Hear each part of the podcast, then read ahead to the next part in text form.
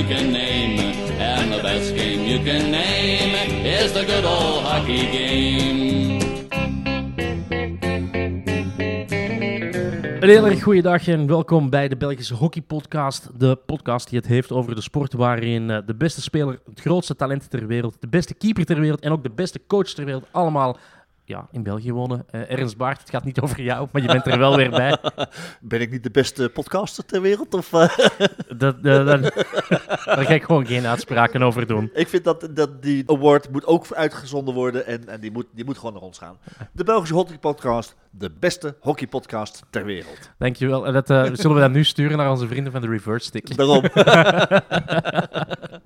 en voor de rest, ai, ai, ai, ai, ai, waar hebben we het weer over? Stomme awards. Maar, Ja, zijn oké. wel deze week uitgereikt. En Ja. België voor het tweede jaar op rij een clean sweep. En ik vind het eigenlijk nog straffer dan vorig jaar. Ja, eh, akkoord. Dat, ben ik helemaal met je eens. Ik moet zeggen, ik eh, ben geen fan van die dingen zoals je weet.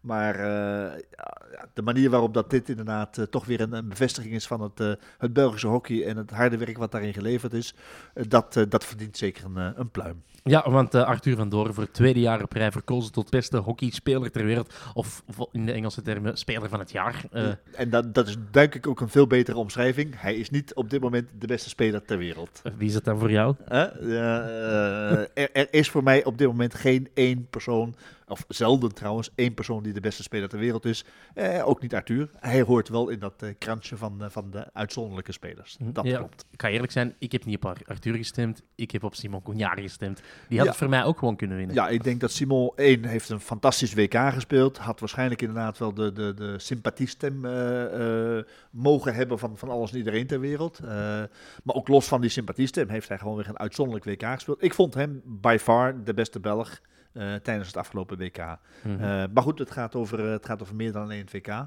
die, ja, maar die dat was de. Champions Trophy waar België echt gewoon ondermaats presteerde. Daar zal het toch niet hebben aan gelegen, denk ik. nee, daarom dat ik het ook een beetje een, een vreemde keuze vind. Maar als je ook ziet inderdaad, ik vond ook de andere kandidaten die er waren in dat rijtje... Nee, Bakker, Middleton en Wetten. Ja. Ja, nou, het- waarschijnlijk komt er toch een beetje het chauvinisme boven. Dan zou ik zeggen dat oké, Bakker misschien ook wel een serieuze kandidaat was. Ik denk dat hij een, een constanter jaar heeft gespeeld, onder andere dan, eh, dan Arthur. Eh, met, denk ik in alle eerlijkheid, ook iets meer impact eh, op, het, eh, op het team. Maar, maar goed, los daarvan, Arthur is een, is een speler hors categorie. En Mhm. verdient, verdient de pluim die hij gekregen heeft. Van alle spelers die daartussen staan, heeft Arthur niet gewoon de meeste star quality? Ehm, ja, eh, absoluut. Ik denk dat er een aantal zijn. eh, God, denk dat als, de FIA heel eerlijk is, als het nog veel liever aan een Ruur wel gegeven of aan een Jorrit Kroon of eh, die jongens die, die, die echt hele sterke marketingkwaliteiten hebben. Maar ook daar, ja, Arthur is gewoon gepusht en gehyped. eh, en, en, en, maar goed, is, is van de gehypte spelers inderdaad by far ook de beste. Mhm. Dus Ja, en hij komt in een mooi rijtje hè, van spelers die zichzelf opvolgen eh, als werelds beste hockeyspeler of speler van het jaar, zoals je wil, Ernst. Eh Teun de Nooier lukte het in 2005 en 2006 en eh, Jamie Dwyer lukte het zelfs drie keer op rij, 2009, 2010 en 2011. Ja, dat zijn toch echt de allergrootste van het hockey van de voorbije 20 jaar. Ja, ook opnieuw de, de, de meest gehypte spelers. Eh, dus eh, past, wat dat betreft past het perfect in het rijtje. Eh, maar ook ja, twee, twee uitzonderlijke, uitzonderlijke spelers. Dus, en op die jonge leeftijd, ik denk dat dat vooral een, een uitzonderlijk gegeven is. 24 is hij, ja. Ja, ja, maar goed, al, al, al twee keer beste speler en je bent nog maar 24. Normaal is je op 24 kom je in de buurt van je vorm van, van, je, van je leven. En als je dan al, tenzij hij gewoon heel erg vroeg gepiekt heeft. eh, maar ik denk dat... dat denk ik niet. Nee, dat, dat, dat denk ik dus ook inderdaad niet. Ik denk dat al, als Arthur gewoon blijft, eh, blijft doen wat hij doet, dat hij zich nog verder gaat ontwikkelen. Dus ik veronderstel dat daar, dat daar meer prijzen nog gaan volgen. Dus hij kan misschien dat record van de Nooier en Dwyer gaan, gaan verbeteren. Vijf keer wereldspeler van het jaar. Het zou me niet verbazen, maar voor mij compleet irrelevant. Vorige keer had je gezegd, beste keeper van de wereld vind je wel een interessante prijs. Omdat je daar echt gewoon posities bij elkaar gaat vergelijken. Ja, nou, een interessante prijs is misschien veel gezegd. Maar dat vind ik inderdaad een prijs waar je, waar je eh, duidelijker naar, naar het individu kunt kijken dan, dan in al die andere zaken. En eh, ja, Vincent Van Asch eh, lijkt mij absoluut op dit moment eh, de nummer 1 ter wereld. En eh, zeer verdiend dat hij, eh, dat hij de prijs gewonnen heeft. Ja, vind ik ook. Uitstekend WK gespeeld. Zijn concurrenten waren eh Pirmin Blaak, die ook een goed WK gespeeld, maar Klopt. gewoon, ja, gewoon net minder vind ik dan, dan, dan Van Asch. Of Van Asch beter dan Pirmin, als ik het positief bekijk. Ja, nou, ik, ik, denk, ik, ik denk in alle eerlijkheid, eh, sorry Peerman, maar dat op dit moment Vincent inderdaad een stapje verder is. Eh, maar dat heeft ook te maken met de keuzes die gemaakt worden door hun coaches. Eh, Vincent van Assen heeft al enkele jaren dat hij, dat hij de absolute nummer 1 is en, en, en alle, alle ruimte krijgt om zich verder te ontwikkelen. Eh, en Pirmen, eh, ja, de Nederlandse ploeg heeft, heeft net zoals bijvoorbeeld als de Australische coach, eh, kiest de Nederlandse coach voor een systeem van wissels. Dus sta je continu onder druk, eh, krijg je minder kans om je te laten zien. Eh, en moet je continu vechten tegen de, tegen de nummer twee. Eh, ja, dat zijn verschillende keuzes, maar dat heeft voor zo'n individu wel een impact op dit soort, op dit soort awards. Mhm. Maar ik heb wel gemerkt in de wedstrijd tegen Nieuw-Zeeland, toen eh, Loïc van Doorn in doel stond bij, bij België. Ja, dan merk je dat verschil wel. Het is niet dat Loïc van Doorn een slechte wedstrijd keept. Absoluut Of dat, maar Loic heeft maar- gewoon niet de ervaring op dit, op dit Eh, niveau. hij maakt het verschil ook niet. hè. Die, die doelpunten die binnenkomen, oké, die daar kan hij weinig aan doen. Nee. Maar Vincent zou misschien een van die ballen wel gepakt hebben. En in die shootouts is hij toch weer heer en meester. Nee, absoluut. En, en als je dan toch kijkt, eh, het gaat over ervaring. Zeker bij de rol, zo'n rol als een keeper he- heb je het gewoon over ervaring. En dan moet je gewoon weg vaak in dit soort situaties gestaan hebben. Technisch zijn die jongens allemaal sterk. Ik denk dat dan Loic eh, technisch heel dichtbij bij en Vincent van Asch staat. Ehm, ik, ik denk dat al die topkeepers elkaar technisch heel weinig zullen ontlopen. Maar het is inderdaad eh, het mentale wat daar het verschil maakt. Ja, en dat mentale, dat kweek je alleen maar door de ervaring op te doen. Mhm. Dus terechte overwinning voor eh, Vincent van Asch. En dan ja, toch wel de verrassing, ook een Belg bij 's werelds het grootste talent. Dat wil ook zeggen dat voor de derde keer op rij daar weer een Belg heeft gewonnen. Na twee keer van Doren is het nu ja, de andere Arthur. Het blijft Arthurs, hè? De, de, de Slover, die, die het verrassend heeft gehaald voor Thijs van Dam, Tim Brandt. En dan de andere, Jake Harvey en Tim Hersbroeg, die misschien eh, iets, ietsje daaronder staan. Ja. Maar ja, ik vond eh, Van Dam en Brandt ook wel een bijzonder sterk jaar spelen. Absoluut. Ik, eh, voor mij inderdaad een van de meest verrassende keuzes. Ik gun het de kleine Kortrijkers aan. Absoluut. Het, het is een speler die. die het is een speler naar mijn hart. Jongen met twee voetjes op de grond. geen gekke dingen. niet per se de, de hype zoeken en de media zoeken. Maar gewoon zijn ding doen. Trouw blijven aan zijn club. Eh, ja, dat is een speler naar mijn hart. En hij, hij bewijst het ook op het veld. Dus eh, ik kan niet zeggen dat het onverdiend is. Ja, ja. Maar, ja, misschien... Het, het va- valt gewoon... Twijfel, je, twijfel jij je eigen Ja, ik, ik, ga, ik ga eerlijk, eerlijk zijn, ik heb, niet, ik heb niet op Arthur gestemd. Nee, dat, dat snap ik. ik eh, in dat rijtje zou ik ook niet op hem gestemd hebben, denk ik inderdaad. Ja, ik vind hem een fantastische speler, hè, maar... Los daarvan. Maar om dan niet te zeggen dat hij het grootste talent van het voorbije jaar was. Nee, dan vind ik inderdaad dat bijvoorbeeld een Tim Brandt, dat hij dat die op, de, op de verschillende toernooien dit, dit jaar eh, zich meer heeft laten zien. Eh, dan, eh, dan onder andere Arthur, maar bijvoorbeeld ook dan een, dan een Thijs van Dam. Mhm. Ik vond een Thijs van Dam van deze drie de beste op het WK. Eh, de, de jongere met de meeste impact op het WK. Ehm, Tim Brandt denk ik over het hele jaar. Dus dat zou mijn keuze eerder zijn geweest. En uh, Arthur zit daar gewoon, ja, die zitten allemaal heel dicht bij elkaar. Het, het is net zoals bij, bij de, de beste speler van het jaar. Of de, de... Een beetje appelen met peren vergelijken. Ja, klopt.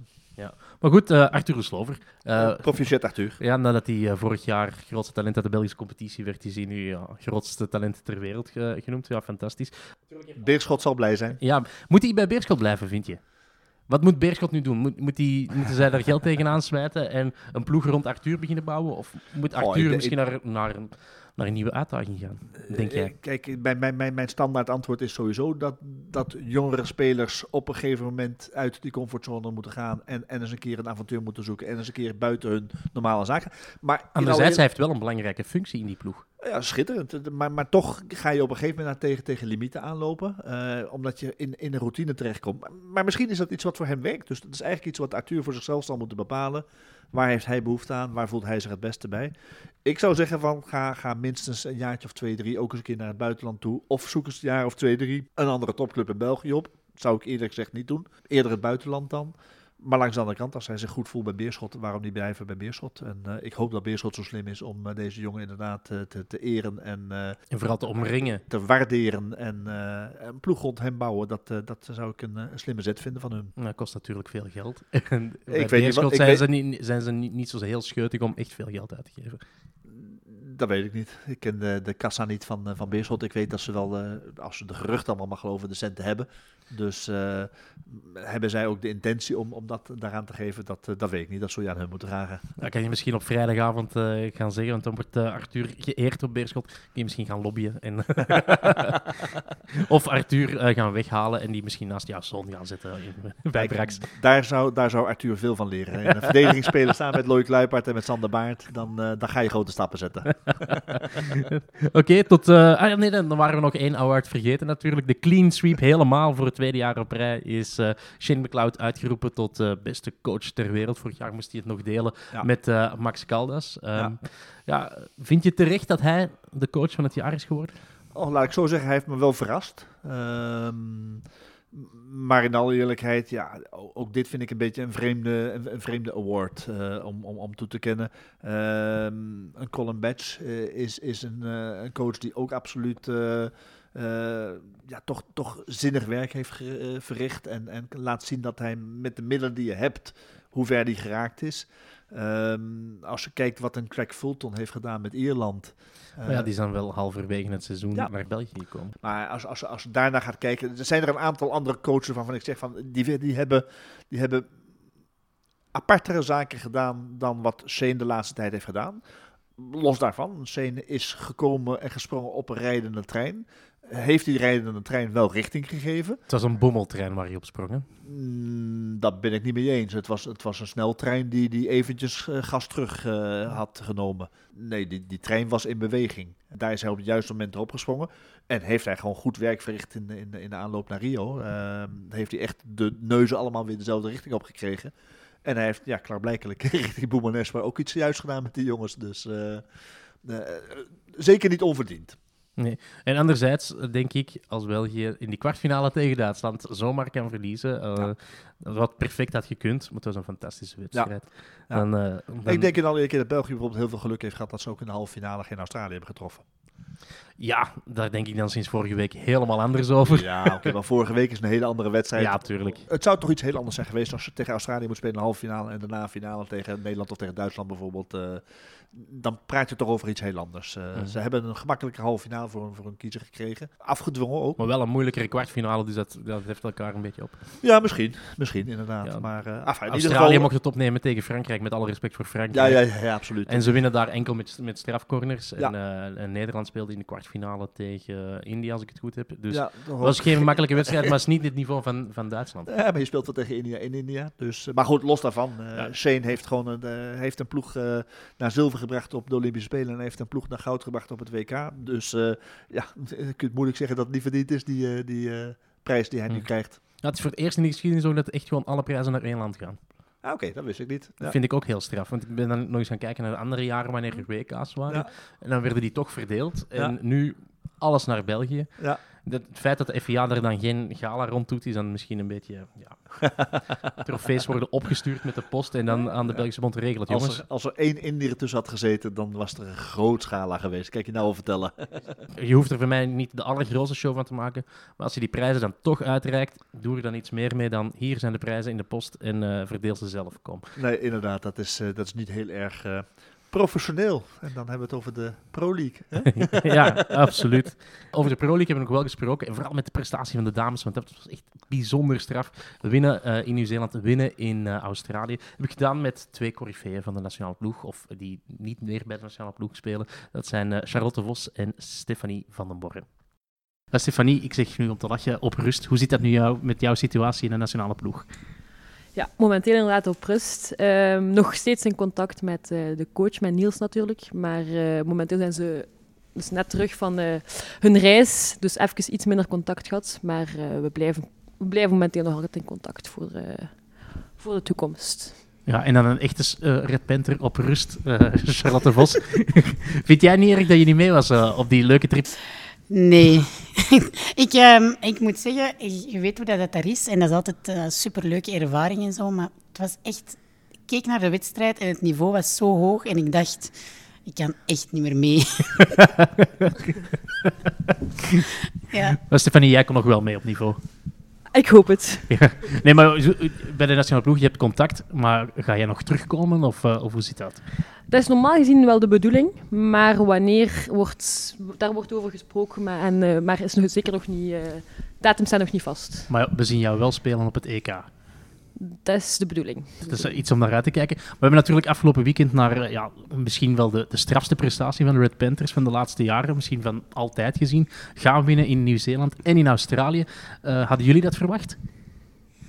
Verwacht. eh, ik ben misschien minder verbaasd als dat ik, eh, allee, wat de andere mensen zouden zijn of zo. Ik heb ze de laatste jaren toch eh, blijven volgen en ik vond dat ze altijd heel goed hockey speelden, maar zo dat winnen kwam er zo iedere keer niet van. En nu, ja, ze hebben gewoon zo goed gespeeld en zo'n constant niveau gehouden, dat dat het is gewoon een fantastische prestatie. En op verplaatsing, met zoveel reizen, is dat heel ehm, ja, uitzonderlijk. Maar ik ben heel blij dat ze eindelijk laten zien eh, wat ze waard zijn. Ja, eh, Stefanie, ze speelde de drie eerste wedstrijden tegen Argentinië, Nieuw-Zeeland en Australië. Laat ons zeggen, drie van de vier beste ploegen ter wereld. Als je dan 6 op 9 pakt, dan laat je ook aan iedereen zien dat je, de, dat je er bent. Hè? Ja, ze hebben echt heel goed gespeeld, vooral de, de laatste twee matchen dan. Wat eh, natuurlijk wel eindelijk een keer een resultaat meebrengt zoals ze, wel als ze verdienen. Hm. Dus wat fantastisch is. Hm. Ja, was het voor jullie ook zo lang het gevoel van, ja, we spelen wel goed, maar we winnen niet. Begint het dan te wegen als je iedere keer tegen zulke landen ja, of, of net gelijk speelt of verliest? Uiteraard begint dat begon wel echt te wegen. Zeker eh, na het WK.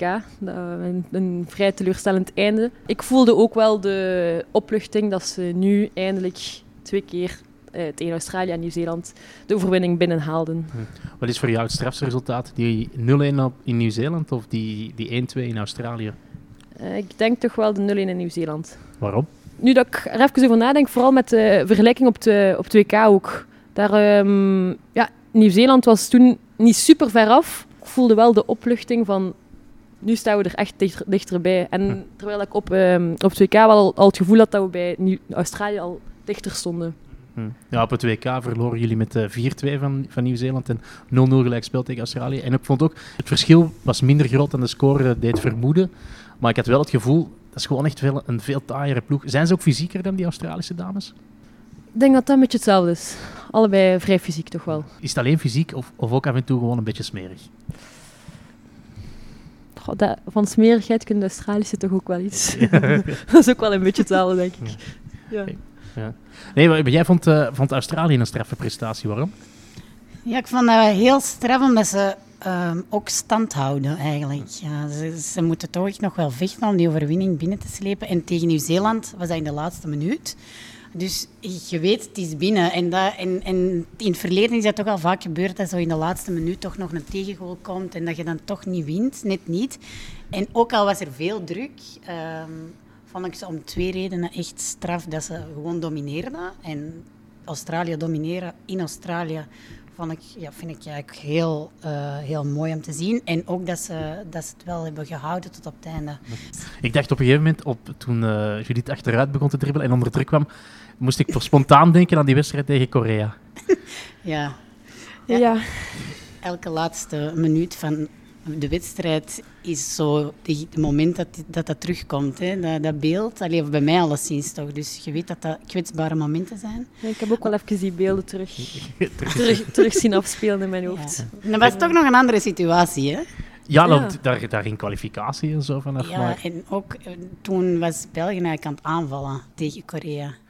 ja, maar ja, het is ook wel gewoon een beetje zo de verkeerde keuze maken op dat moment, denk ik. Tegen, jullie tegen Korea misschien de bal gewoon in de ploeg kunnen houden, terwijl nu die bal moest gewoon naar voren. En of, of, of zie ik dat verkeerd als, als iemand die, die er helemaal niet, niet in die ploeg staat? Wat, zou jij hebben gedaan? Normaal gezien, als jij, als jij speelt, ben jij degene die de bal moet nemen, hè, Stefanie? Ik denk dat er toen nog 30, 40 seconden waren. Ja, zoiets, ja. Mhm. Ja, ik, ik zou ook gewoon de optie naar voor, naar voor opzoeken. Opteren voor een hoge bal als die mogelijk is. Maar zeker zo ver mogelijk die bal wegkrijgen. En zeker niet beginnen trippelen in onze eigen cirkel. Ja. Twee momenten zijn het eigenlijk in de laatste twee minuten. Het is de laatste actie, toch met Judith die dan eh, Ja, begint achter- te dribbelen. Ja, Maar dan juist daarvoor is er ook nog een moment aan de zijlijn, ehm, of dat is in de laatste twee minuten, dat ze eigenlijk ook weer kiezen om naar achter te spelen. Ja, ja, ja, ja. Waar, waar Niels roept Ja, naar voorspelen, naar naar voorspelen. ja. En dat vond ik eigenlijk ook wel heel eh, typerend. Dat, dat je dan toch echt moet durven om vooruit te blijven hockeyen. Dat, eh, dat zal ongetwijfeld binnenkort eh, flink geanalyseerd worden, die laatste minuut. Maar staan jullie dan, eh, het is hoe laat s morgens op zondagochtend, Eh, tien voor negen, staan jullie dan te juichen voor jullie televisie?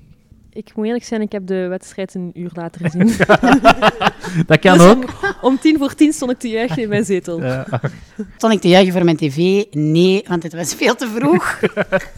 maar ik was wel heel blij dat ze gewonnen hadden. Absoluut. Ik heb ook direct naar iedereen berichtjes zitten sturen. Allee, niet naar iedereen.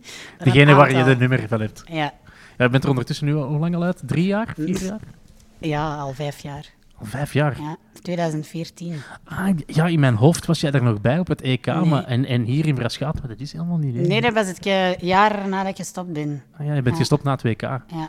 Ja, alles bij mij begint ook ondertussen een beetje eh vloed te worden. Maar dat is omdat jij zo lang gewoon het boegbeeld van de nationale ploeg was. Dat mensen denken dat je er overal bij bent. Hè. Dat is ondertussen toch echt al wel vijf jaar geleden. Maar ik, ik volg het eigenlijk super hard. En eh, dat ligt mij echt waar nog altijd super nauw aan het hart. Zo. Ook omdat ik ben zo oprecht blij dat ze nu gewonnen hebben. Omdat je weet die evolutie daar naartoe en hoe lastig dat is om iedere keer te verliezen. Want het is leuk om te winnen, maar eh, ja, de meeste wedstrijden de afgelopen jaren worden verloren. En dan, dat, is, dat is zo moeilijk en je traint zo hard. En ik, nu trainen ze nog veel harder dan toen dat ik eh, speelde. En je weet hoeveel dat, dat van u vraagt. En, en hoe weinig dat mensen eigenlijk te zien krijgen van het leven van een topsporter. En dat zijn dan die momenten dat je ja, een podium krijgt om te tonen wat je kunt. En dat is dan iedere keer net niet. Dus dat doet mij echt veel om eh, te zien dat Belgisch dameshockey eh, ja, echt stappen zet. En ik gun het hun allemaal zo hard om... eh, ja, kijk enorm hard ook uit naar het Europees kampioenschap hier. Omdat ik... Ja, het is gewoon fantastisch. Dat is hun moment en dan, hoe dat ze nu bezig zijn. Dus, eh, ik ben al lang gestopt, maar dat voelt niet zo. Nee, niet alleen voor ons dus. Ook wel leuk. nee, maar ehm, die, die twee wedstrijden... Ik, laten we even teruggaan naar die wedstrijd tegen, tegen Nieuw-Zeeland. Toen Joan Peters alleen op de keeper de bal miste. Toen Gilles, eh, Gilles Boon die, die strafbal miste. Toen dacht ik... Ja, zo zal het nooit lukken. Het, is, eh, is dat een trauma in de ploeg van ja, angst om te winnen? Of is dat gewoon brute pech?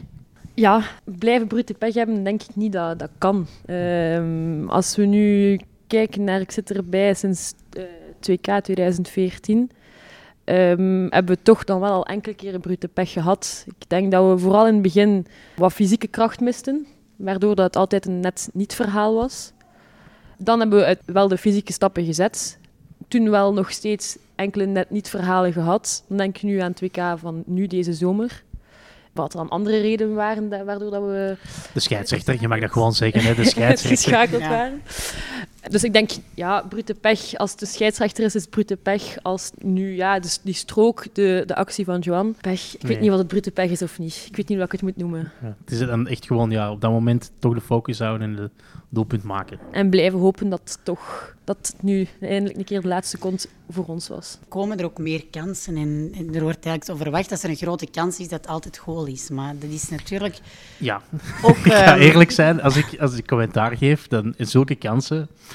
Ja, dan, als je één op één op de keeper komt op zo'n moment, dan verwacht ik dat hij binnen gaat. En ik weet wel dat dat, dat is een soort utopie, hè, om te denken dat hij binnen gaat.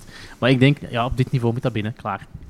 ja, het is door die momenten te krijgen dat je dan de keer daarop de betere beslissing neemt. En zo gaat dat iedere keer. Maar ja, ik denk dat ze nu ehm, ook gewoon wel fitter zijn. Want daar was ik het meeste van onder de indruk. Dat ze zo sterk fysiek zijn allemaal. En allemaal, het is zo een homogene, sterke fysieke ploeg, vind ik op deze moment. En dat helpt u ook wel om die einde van die wedstrijden beter door te komen en toch nog iets helderder te zijn. De ervaring door, door te verliezen op een gegeven moment, als dat, ja, dat kantelt dat toch of zo. Het geluk komt dan toch ook een beetje in uw voordeel. En het is zo, dat zijn zo die hele kleine details die het, eh, die het dan uiteindelijk doen.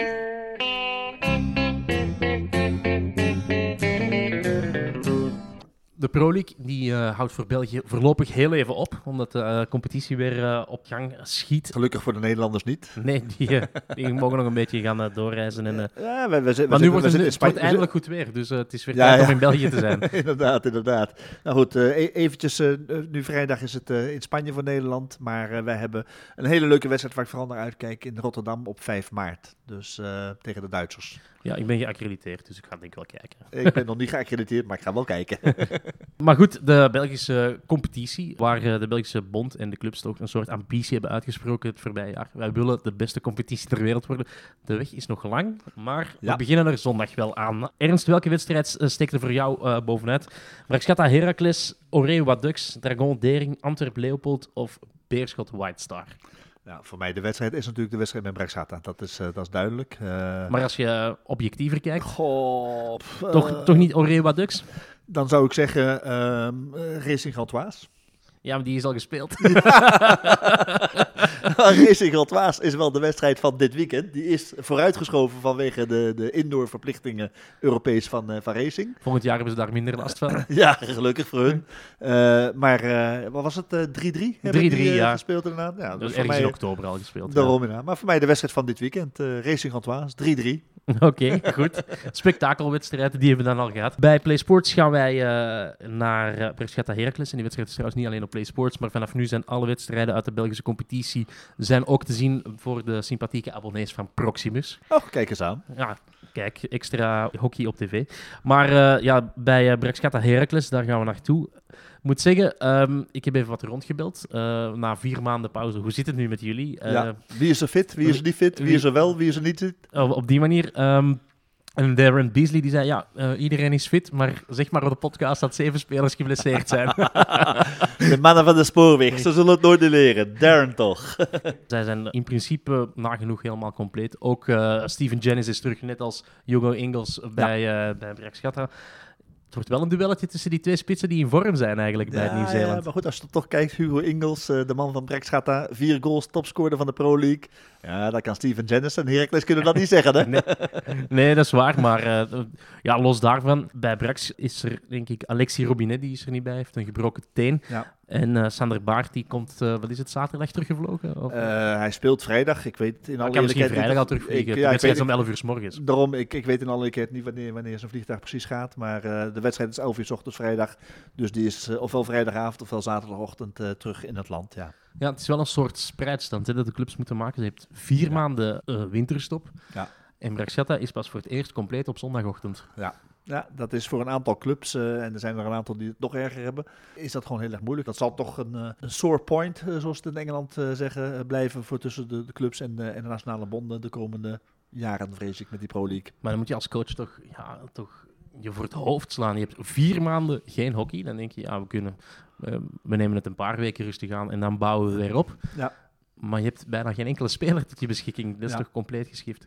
Dat is inderdaad geschrift. Maar goed, in alle eerlijkheid, ook los van de Pro League eventjes, het, het is bijna nooit anders geweest. Hè. Anders zijn de nationale ploegen ook altijd wel weg met, met stages of zijn er toch Ja, maar dan is, toernooien. is de winterstop toch korter. Klopt, inderdaad. En, en dit, is, dit is een uitzonderlijk geval. En Ja. eh, het maakt het niet gemakkelijk voor de clubcoaches en voor de clubspelers die niet betrokken zijn bij de nationale ploeg. Eh, Ja, die staan echt te popelen om weer te hockeyen. Ik hoop dat iedereen heel scherp staat. Ik hoop dat we, dat we een paar pittige potjes tegemoet gaan. Ja, wij dus naar uh, Braxcata Heracles. Belangrijke wedstrijd voor beide ploegen. Want als je die wint, dan is die top 4 eigenlijk wel binnen, denk Ja. ik. Uh, Ja. Als je verliest, Wordt het nog knokken, hè? ja, dan wordt het knokken. Dus het is... Uh, het, op een of andere manier, rechtstreeks hebben ze niks met elkaar te maken, maar je kan die wedstrijd maar beter winnen. Ja. En dan uh, heb je een soort veilig gevoel voor de, voor de rest van het Ja. seizoen. En dan kun je kijken waar kun je misschien nog een beetje met, naar boven kijken. Nee, inderdaad. Wordt, eh, wordt jammer voor Heracles.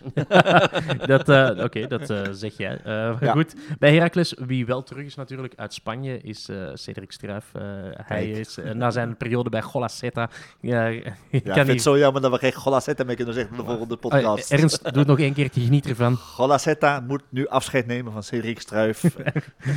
Uh, goed, die andere ja, topwedstrijd die, die ik eigenlijk ook wel had willen zien was uh, Oré tegen Wadux. Oré, de verrassing van het seizoen Ja. tegen Wadux. Um, Oré dat eh, ja, heel veel Franse internationals heeft, die dus geen Pro League speelden. Dus Dus die kunnen gewoon spelen. die kunnen gewoon spelen. En wat Dux is ook helemaal eh, compleet.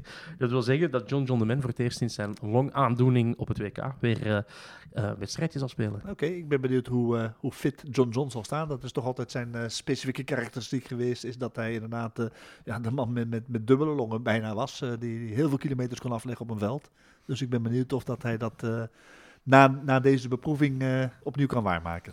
Eh, ja, maar wat Dux heeft nog andere ijzers in het vuur natuurlijk. Ze hebben de beste doelman ter wereld. Ze hebben Simon Gounard voor mij, de beste speler van het voorbije jaar. Ja, Eh, hebben ze daar ook rondlopen. Gauthier Bocard en dan natuurlijk al die spelers die niet met de nationale ploeg spelen, maar wel gewoon echt gewoon goede spelers zijn. eh, absoluut. Eh, Wat Dux blijft de meest complete ploeg eh, van, eh, van dit seizoen in de Belgische Eredivisie. En ja, de grote favoriet voor de titel. Stilaan gaan we richting play-offs, dus ze zullen de Ja. druk zachtjes aan beginnen voelen. Het begint te kriebelen. Absoluut.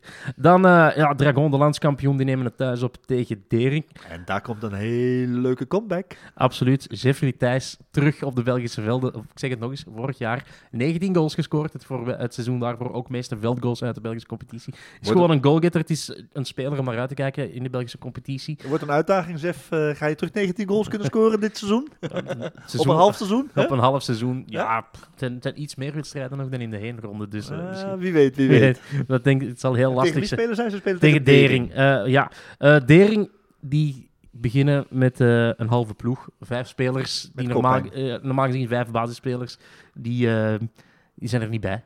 Hoe komt dat? Eh, ja, eh, pijntjes hier en daar. Ai, ai. ja, de- ik heb met Zand John... in het oog gaan strooien? Of, dat kan, want John Bissell wilde geen namen noemen. Hij zei, Ah. ja, ik mis vijf belangrijke spelers komend weekend. En toen zei ik tegen hem, maar Dragon hij, is mist wel zijn... hij mist Arthur van Doren, hij mist Arthur de Slover, hij mist uh, Vincent van Aschen de goal, hij En mist Simon Gognard. Simon Gognard op middenveld. ja, ja, dat snap ik. Nee, maar goed, hij wilde niet zeggen wie, maar naar verluid, ja, vijftal spelers er niet bij voor. En dat is sowieso lastig. Dan vrees ik dat wel eens een keer een pak slaag zou kunnen worden. Maar, Ja, eh, want stel dat zij zouden stunten op eh, Dragon en Heracles verlies van Braksgat, dan komen die op gelijke hoogte. Ja. Maar in de andere richting wordt de kloof zes punten. Dus, ja. ja, nee, inderdaad. Het wordt sowieso een spannend weekendje.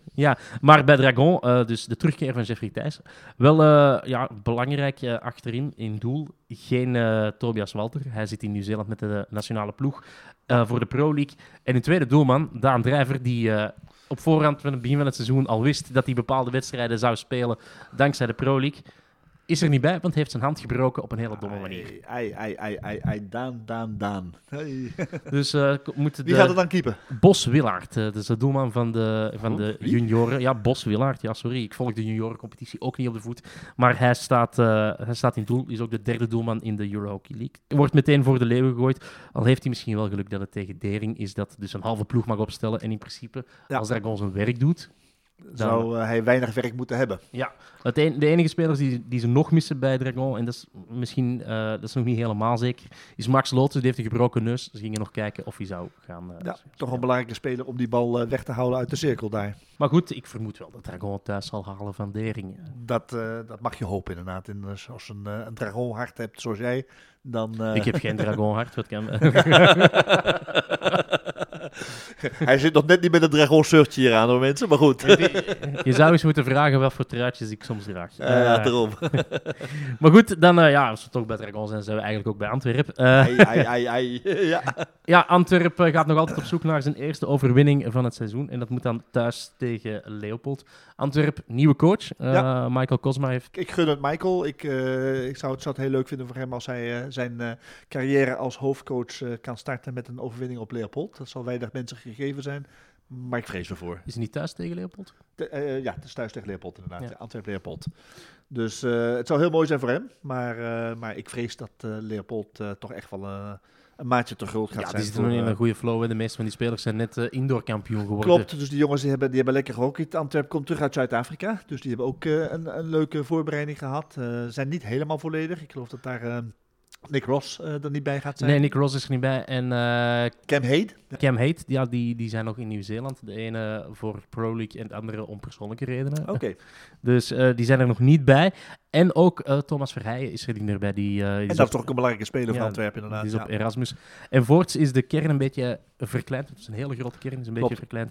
Om eh, daar iedereen wat aan te scherpen. En hopelijk is dat voor hen gelukt in Zuid-Afrika. Ze zaten daar in een complex van de Rugby Sevens. Ja. En iedereen heeft daar blijkbaar grote ogen getrokken hoe professioneel het er daar aan toe ging. Dus. Goed, en dan de laatste wedstrijd die we nog niet hebben vermeld is Beerschot tegen White Star.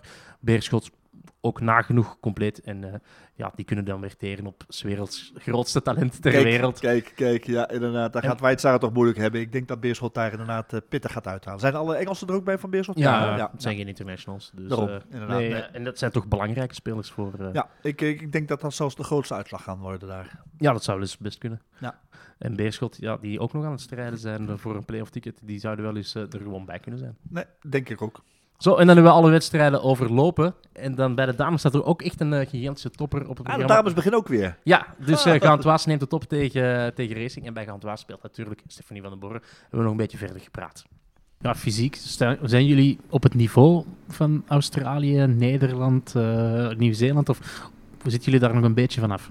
Ik denk dat we er misschien nog net ietsje onder zitten. Eh, we staan er als helemaal niet meer ver af, maar nog net er niet op. Zo vooral denk ik zo qua spiermassa. Zo. Zo, Als, je dat allee, als je dat zo ziet, Ja, die Australische Ja. dames, en, en bij Nieuw-Zeeland zijn er ook wel een paar, die hebben bredere schouders dan ik. Hè. Dat mij ook. Dat zijn hele sterke atleten hè, die daar tussen lopen. Dus, eh, zo Olivia Mary die, eh, van, van Nieuw-Zeeland, als je daar tegen moet spelen, dat lijkt me, dat lijkt me als verdediger geen, geen sinecure. Ja, ik ben al niet de kleinste, maar dat het Ja, is nog nog een kopje, een kopje groter. En dan dubbel zo breed als mij ook. Het is even intimiderend om eh, ernaast te staan. Hebben wij dat nodig? Of, of is dat juist gewoon, ja nee, kijk, wij, wij spelen op een andere manier? voor mijn gevoel is dat wel nodig. Ja, ik denk dat, het, eh, dat daar nog wel echt stappen in gezet kunnen worden. En er wordt ook wel gekozen om meer een speelstijl eh, zoals Amerika en Australië en fysiek sterk te zijn, dan is dat wel een voorwaarde, denk ik. Als je niet voor het meest, gelijk Argentinië en Nederland, de super technische... Alhoewel ik wel denk dat wij dat zouden kunnen, want we hebben echt wel een aantal super technische speelsters. Maar er wordt toch ook wel veel ingezet op fysieke kracht. En dat kan een dag van vandaag, denk ik, dat dat voor elke ploeg prioriteit is. Jullie trainen toch ook al echt wel heel zwaar in de fitness en zo.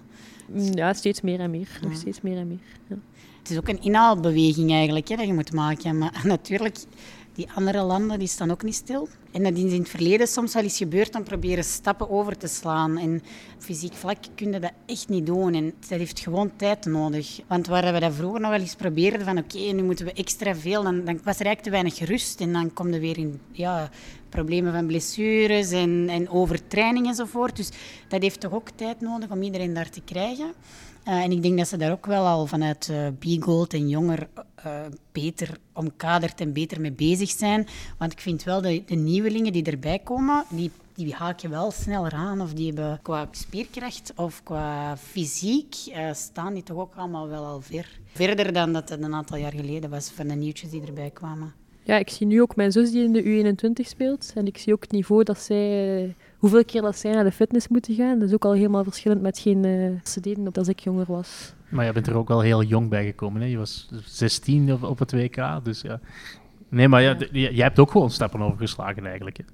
Ja, maar ik denk dat het moment dat, ehm, dat we meer, eh, meer op het fysiek zijn gaan werken, dat, dat toen iedereen terug van nul is moeten beginnen, omdat we toen echt al heel veel stappen hadden overgeslaan.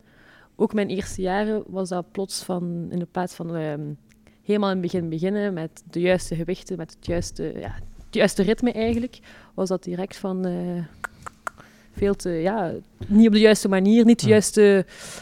ehm, Te enthousiast eigenlijk van, vanuit de begeleiding. Van kijk, we moeten mee- meteen mee met de top. Ja, ook niet de juiste techniek, waardoor dat je dan foute dingen aanleert, waardoor dat, dat, dat je dat dan nog terug moet uitkrijgen. En, Mhm. ja, het zijn details, maar het zijn wel belangrijke details. En wanneer is dan die, ja, dat, dat nieuwe nulpunt gekomen? Wanneer is, heeft, hebben jullie bij de nationale ploeg... Ja, toen dat Charles weg was, hè. Dat is echt waar, want ik weet dat dat, dat was de WK. Ik kon niet meer. Ik was zo- dat was echt voor mij zo wel een beetje misschien eh, het toernooi te veel. Maar dat kan ik ook niet zeggen, want je wilt natuurlijk een WK meedoen. Maar eh, ja, de ervaring leert ook dat het dan toch niet de beste manier is. En dan is er wel een nieuwe weg ingeslagen. Gaan zo nu winnen van, van Nieuw-Zeeland en Australië. Vooral bij, bij hen. Het is niet een thuiswedstrijd, het is echt gewoon op verplaatsing. Is nu ook het gevoel van, ja, wij kunnen echt naar de wereldtop nu. We zijn er klaar voor. Ik denk dat wel. Zeker als je van buitenaf dan alle reacties ziet op uh, social media, dan zie je wel echt de opluchting van hun. Het zit er zeker aan vast in. En dat, dat beginnen we nu, nu te voelen. Mm Ja, eindelijk. Oh, oef. Het is echt zo dat, van, ah. Ja. Laten we nog eens teruggaan naar, naar, naar de wedstrijden zelf. Het waren wel echt drie topgoals hè, van, van de Red Panthers. Dus, uh, die, die, die tegen Nieuw-Zeeland, dat is echt fenomenaal. En dan die, die, ja, die twee mooie goals tegen, tegen Australië. Welke steekt er voor jou bovenuit? De strafcorner tegen Australië, Ja, de backhand van, eh, van, van Louise, of toch die volley van, van Gilles tegen Goh, ik denk toch wel eh, die volley van, eh van Gilles. Vooral eh, omdat het dan misschien ja, de, laatste, de laatste drie seconden was van de match. En een fantastische bal ook van Alix. Keihard. En dan het tikje van Gilles, wat eh, Dat is perfect. typisch Gilles is. Ja. Ja. Dat dan op, die, op het juiste moment, op het juiste, artistiek op de juiste plaats is en de bal in de netten verdwijnt. Ja, en tegen Australië maakte ze bijna terug zo een. Hè? Ja, ja, Ja. het was nog met, Ja. bijna tussen de benen van, eh, van Mhm. Rachel Lynch. Ja. ja, ik vond ook vooral het moment. hè. Je hebt dan twee minuten daarvoor een strafbal gemist. En dan map je die bal daar onwaarschijnlijk perfect binnen. Dat is fantastisch. Vond jij dat ook het mooiste goal? Of, eh? Ja, ik denk het zeker. Ja. Vond dat, ja, effectief ook die ontlading, want dan weet je dat je de wedstrijd hebt gewonnen. Maar het was heel mooi en dat hebben ze ook wel vaker gedaan. Zo die harde ballen in de cirkel voor die deviaties en zo. En zo wat meer direct spelen. En dat, ja, dat, dat vind ik wel leuk om te zien ook. Mhm, En het waren eh, ook, in plaats van dat we altijd een flats doen in de cirkel, dat mooi plat is, wat eigenlijk vrij makkelijk is om, eh, om te intercepteren in de shots, dat goed hard botst op een kuthoogte, ja. die er dan toch doorvliegt. Ik was ook echt blij, want dat blijf ik wel een werkpunt vinden van de Red Panthers. eh, penalty, allee, de strafcorner. En dan is het een variant die erin gaat. En dat is ook wel gewoon om die te maken. Voor mij is dat wel nog het grootste werkpunt, echt. En dan, eh, ja, het schot van, van Louise ook supermooi. Alleen denk ik dat de keeper daar wel eh, een beetje in de fout ook gaat. ja, gaat Eh. over haar arm. Dat is een bal die er eigenlijk niet mag. Die, nee, Dat maar is wel heel streng. ja, we zijn wel streng, want het was op zich kei mooi gedaan. Maar het was een heel scherpe hoek en eigenlijk moet de keeper dat Hm. wel hebben. Dus ehm, als ik moet kiezen, ga ik voor chill. Toch, oké. Mooiste goal van het weekend. Chillbone, prima. Goed, de Australiërs die waren achteraf niet zo heel blij met de planning van de wedstrijden. Ze hadden eigenlijk voor tegen Nederland gespeeld, wedstrijd ook eh, boven de 30 graden. En dat daarna moesten ze tegen België. Heeft dat ook meegespeeld, denk je? Goh, ik denk als je naar eh, de planning kijkt van de, de Red Panthers, die 17 uur moeten vliegen naar een helemaal omgekeerd eh, ritme. Ze zijn daar vier dagen ter plaatse en gespeeld, ehm, met, met meer dan 12 uur verschil. Mhm. Ja, vind ik dat dat iets zwaarder is dan voor Australië te spelen een dag na, na tegen Nederland gespeeld te hebben. Dat zijn geen excuses, ook al was het 38 graden. nee. Ja, 38 graden, het was voorbij de 38 Ja, dat is graden. waar. En wat vinden jullie nu van de, van de Pro League? Zijn jullie eh, fan geworden de, de voorbije weken? Ik ben eh, zeker fan. Alleen, eh, Dan de- ben jij gewoon rustig in de zetel. Het enige wat je moet doen is vroeg opstaan. ja, dat is wat ik als klein werkpuntje eh, nog meegeven. dat die uurschema misschien Ja, ja, kan aangepast worden. Als Australië gewoon die avondwedstrijden speelt, is het voor ons aangenamer, is de temperatuur wat lager, is het voor hen ook aangenamer, dat het nu wel leuk geweest. Zeker. Ja, en dan nog één ding over die wedstrijd tegen Australië. Tijdens de wedstrijd voortdurend muziek door de boksen. Wat vinden jullie daarvan? Goh, ik denk dat als ik op het veld sta, dat ik dat niet zou horen. Ah ja, op die manier. Zelf, ik heb naar de match gekeken, maar ik heb het zelf ook niet gehoord. Ja, Oké. niet gehoord. Oké, dan ben ik de enige. Nee, ik, eh, ik moest wij soms inhouden om niet mee te zingen. Ah, ja, tuurlijk. Ja, dan, dan hoor je een liedje. Oh, dat, eh, dat wil ik. eh. het hangt er vanaf wat voor muziek dat, dat is. Dat kan wel echt een, allee, een Kan positief Het hangt er, ik heb het niet gehoord. Ah, maar was het zo wel? Eh, ja, het waren zo de, eh, een paar klassiekers, af en toe zo'n nieuw hitje. Eh, ja, eh, ik denk Fo- Footloose heb ik eh, ergens tijdens de wedstrijd gehoord. Altijd leuk. Dat zou ik ook kunnen meezingen. Ja, voilà. Dus er waren er nog wel een paar. Dus oké, als jullie het niet hebben gehoord, dan, dan mogen ze het blijven doen, zeker. Ja, ik zet meestal de commentaar af. Ah ja, terecht.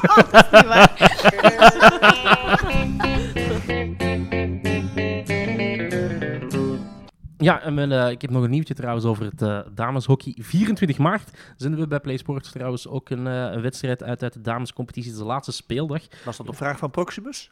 Dat weet ik niet, dat weet ik niet. Maar dan, ja, vlak voor de playoffs, een leuke topper. Dan is het Racing Brakschatta. Die wordt ook live uitgezonden. En bij de mannen is het dan ook een wedstrijd van Racing. Die nemen het dan op tegen Beerschot. Dus die wedstrijden dan al live op televisie. Maar dat is pas over anderhalve maand.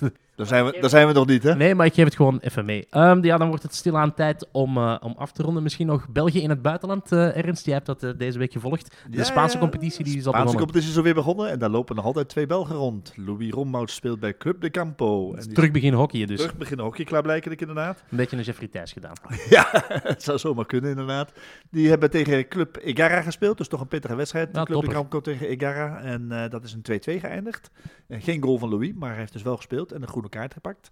Dus gelijk, eh, gelijk wel zich laten gelden, dat is mooi. Ja, er zijn geen wedstrijden waarin Louis Rombouts geen groene kaart pakt, Ernst. Proficiat Louis, dat is goed, dat doe je goed jongen. En dan hebben we Anthony Bosman, die eh, met, eh, met eh, FC Barça nog altijd eh, aan de slag is. En eh, uitkwam tegen, eh, tegen wie kwamen ze ook weer tegen? Tegen Juniors. En dat is een eh, 5-4 geworden voor Juniors. Barça mag wel stilaan eens wat punten beginnen pakken. hè. Ja, Barça heeft het moeilijk. eh, die missen nu ook Mickey hun uh, kapitein eh, Mickey Delas, die dat eh, Lucas Rossi op zich heeft eh, zien vallen tijdens het eh, WK en nog eh, voorlopig oud is. Dus die gaan een moeilijke paar maanden tegemoet, denk ik. Maar goed, we blijven het wel volgen, de Belgen in het buitenland. En zo dan komen we aan het einde van eh, deze aflevering. De Belgische competitie gaat weer Ik, beginnen, eh, Ernst. ik, ik zie er naar uit. eh, gewoon terug langs de lijn staan in plaats van alles op tv moeten kijken. Heerlijk. Ja, fantastisch hè? het zou goed weer worden, hè, komend weekend. Ik heb geen idee, maar ik, ik reken erop dat jij dat regelt. Want ik kan me herinneren, vorig jaar rond deze periode werden wedstrijden afgelast wegens koude. Maar ja. dat zit er eh, ja, niet, eh, niet aan te komen. Gelukkig. Maar, en jij gaat veronderstel ik ook naar Bergsgata Heracles? Ik eh, sta tegenover jou aan de andere kant van het veld. Zal ik zwaaien naar je. Oh, sympathiek. Daar kijk ik naar uit. Tot, tot zondag dan. Tot zondag. En voor uw beste luisteraar, uiteraard. Volgende keer. Ja. Oh, the good old hockey game is the best game you can name. And the best game you can name is the good old hockey game.